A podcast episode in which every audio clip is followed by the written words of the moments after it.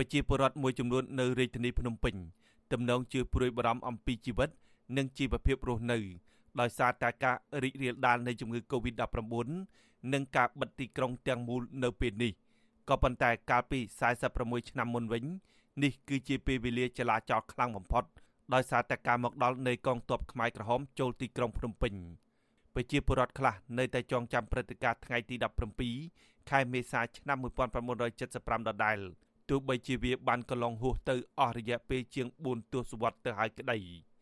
មូលហេតុគឺដោយសារតែព្រឹត្តិការណ៍នោះគឺជារបបនយោបាយដ៏សំខាន់ដែលនាំទៅរកការកាប់សម្លាប់និងបាត់បង់អាយុជីវិតប្រជាពលរដ្ឋខ្មែររាប់លាននាក់អតីតអ្នករស់រានមានជីវិតនៅក្នុងរបបខ្មែរក្រហម និងបច្ចុប្បន្នគឺជាមន្ត្រីសម្របសម្រួលអង្គការលីកាដូប្រចាំខេត្តស្វាយរៀងលោកនុតបពិនរដ្ឋថ្លែងថាព្រឹត្តិការណ៍កាលពី46ឆ្នាំមុន នៅដកជាប់នៅក្នុងអារម្មណ៍របស់លោកជានិច្ចលោករំលឹកឡើងវិញថានៅក្នុងឆ្នាំ1975លោកកំពុងមានវ័យជំទង់រស់នៅក្នុងតំបន់បូរីកេឡាលោកបន្តថាដំបូងឡើយអ្នករស់នៅក្នុងទីក្រុងភ្នំពេញភាគច្រើនបានចាក់ចេញពីផ្ទះលើកទង់ជ័យសដើម្បីទទួលស្វាគមន៍កងទ័ពខ្មែរក្រហមព្រោះគិតថាសង្គ្រាមរវាងកងទ័ពសាធារណរដ្ឋខ្មែរនិងកងទ័ពកុម្មុយនីសខ្មែរក្រហមរយៈពេល5ឆ្នាំពីឆ្នាំ1970 ដល់ឆ្នាំ1975បានបញ្ចប់ និងនាំសេចក្តីសុខសាន្តត្រានចាប់ពីពេលនោះ វាមុននឹងបែកហ្នឹងគឺអ្នកភ្នំពេញគឺដីទាំងត្រង់សេឬគឺគាត់ផ្លោងរងថ្ងៃអញ្ចឹងគាត់ផ្លោងចូលទីក្រុងភ្នំពេញយូរណាអញ្ចឹងយើងនៅពុនគេឲ្យមានការលំបាកហើយចំនួនលន់ណុលហ្នឹងយើងមានការលំបាកងាកផ្ទុះកបែកនេះអីគប់កបែកតាមផ្សារតាមអីអស្ថិរភាពហើយតើហ្នឹងយើងឮថាកងទ័ពខ្មែរក្រហមគឺជាកងទ័ពរបស់សម្ដេចស៊ីនុអីចឹងណាហ្នឹងហើយអញ្ចឹងដល់ពេលបែកទៅណាមិនអគេអត់តបកាឲ្យយើងចេញទេដំបូងហ្នឹងហើយអញ្ចឹងយើងក៏សប្បាយចិត្តអទៅហើយនឹកឃើញថាអូស៊ីនុគាត់ចូលវិញហើយចាស់ទាំងផ្សេងគេនឹកឃើញស៊ីនុចូលវិញហើយតែបានប្រហែលជា4ថ្ងៃក្រោយមកគេចាប់ដើមឲ្យយើងចេញពីផ្ទះឲ្យយើងចេញទៅខេត្តណាទៅទៅស្រេចចិត្តទៅរយៈពេលថាជាកន្លះខែទេគេឲ្យមកវិញគេបោះសម្អាតទីក្រុងភ្នំពេញលោកបានរៀបរាប់បន្តថាការរំពឹងទុកនេះមានរយៈពេលខ្លីបំផុតហើយមនុស្សម្នាក៏បានចាប់ផ្ដើមមានទុកក្រៀមក្រំ និងភិតភ័យទៅវិញក្រោយពេលកងទ័ពខ្មែរក្រហមបានបង្ខំឲ្យចាក់ចេញពីទីក្រុងភ្នំពេញ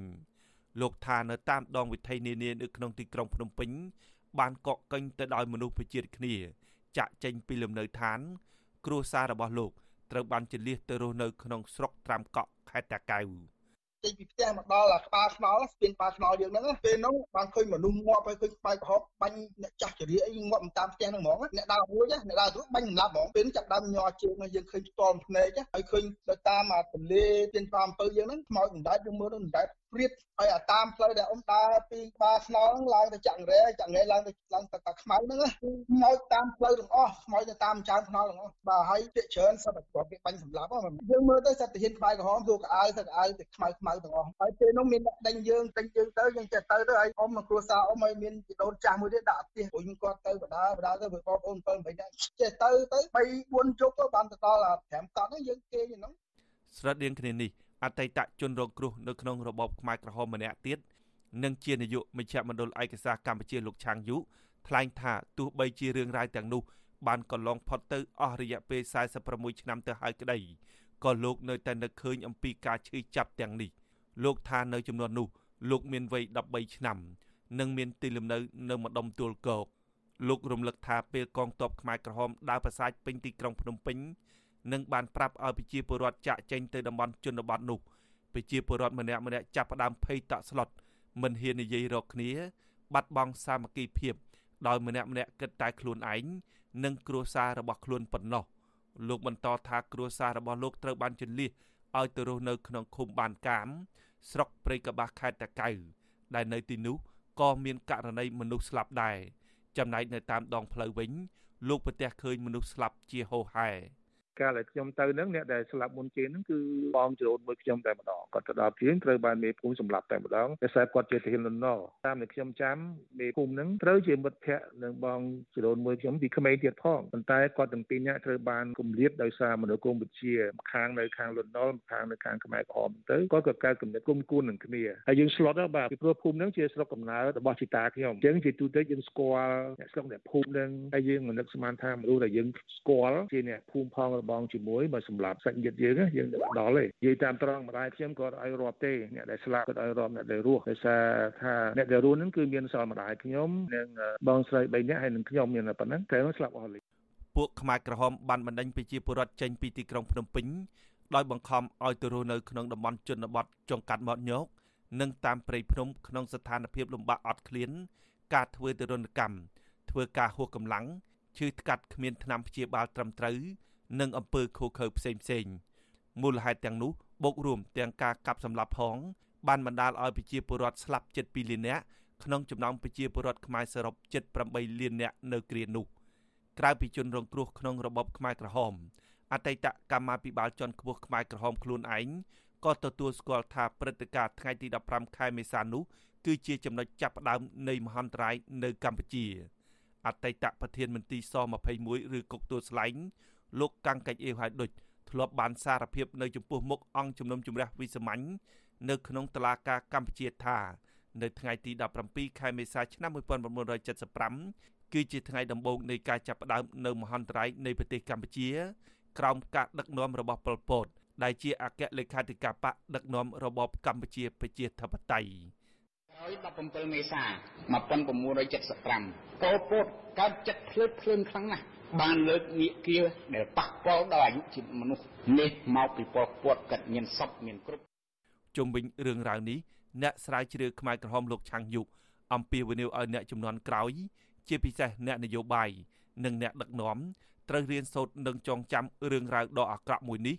រួមគ្នាទប់ស្កាត់កុំឲ្យកើតមានឡើងម្ដងទៀតលោកបញ្ជាក់ថារឿងរ៉ាវខ្មែរក្រហមនេះមិនមែនជារឿងអតីតកាលនោះទេ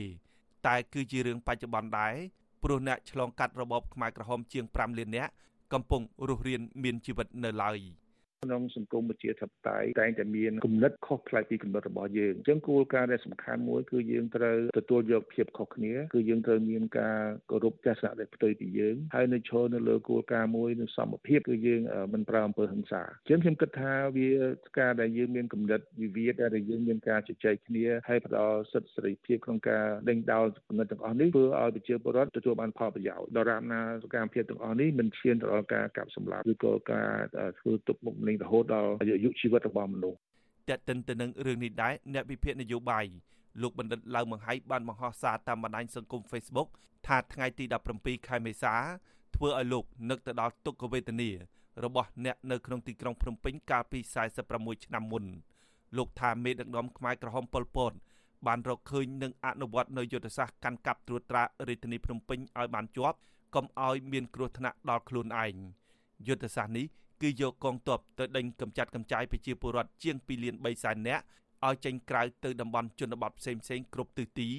ហើយពួកគេចូលកាន់កាប់ត្រួតត្រាទីក្រុងភ្នំពេញប៉ុន្តែលោកថាយុទ្ធសាស្ត្ររបស់ប៉ុលពតនេះគឺមិនខុសពីការកំទេចទីក្រុងភ្នំពេញនោះទេទោះជាយ៉ាងណាបន្ទាប់ពីការរំលឹកព្រឹត្តិការណ៍ឈឺចាប់ពីអតីតកាលនោះអ្នកដែលធ្លាប់រស់រានមានជីវិតនៅក្នុងរបបខ្មែរក្រហមអំពាវនាវឲ្យអ្នកនយោបាយនិងអ្នកដឹកនាំប្រទេសកុំឲ្យធ្វើរឿងដដែលៗ កុំចាត់ទុកគ្នាជាសត្រូវឈប់រើសអើងគ្នាលៀបពណ៌គ្នា និងឈប់សាងភាពជឿចាប់ឲ្យគ្នា ជាពិសេសសកម្មភាពទាំងឡាយណា ដែលនាំឲ្យប៉ះពាល់ដល់អាយុជីវិតរបស់មនុស្សពួកគេចង់ឃើញអ្នកនយោបាយគ្រប់និន្នាការត្រូវរើគ្នា និងបដិញ្ញាចិត្តរួមគ្នាជាជាតិមួយ ដើម្បីពង្រឹងប្រជាធិបតេយ្យនិងការគោរពសិទ្ធិមនុស្សឲ្យស្របទៅតាមរដ្ឋធម្មនុញ្ញនិងគោលការណ៍អន្តរជាតិសម្រាប់ប្រទេសជាតិទាំងមូល។ ខ្ញុំបាទហេងរស្មី អាស៊ីសេរីពីរដ្ឋធានី Washington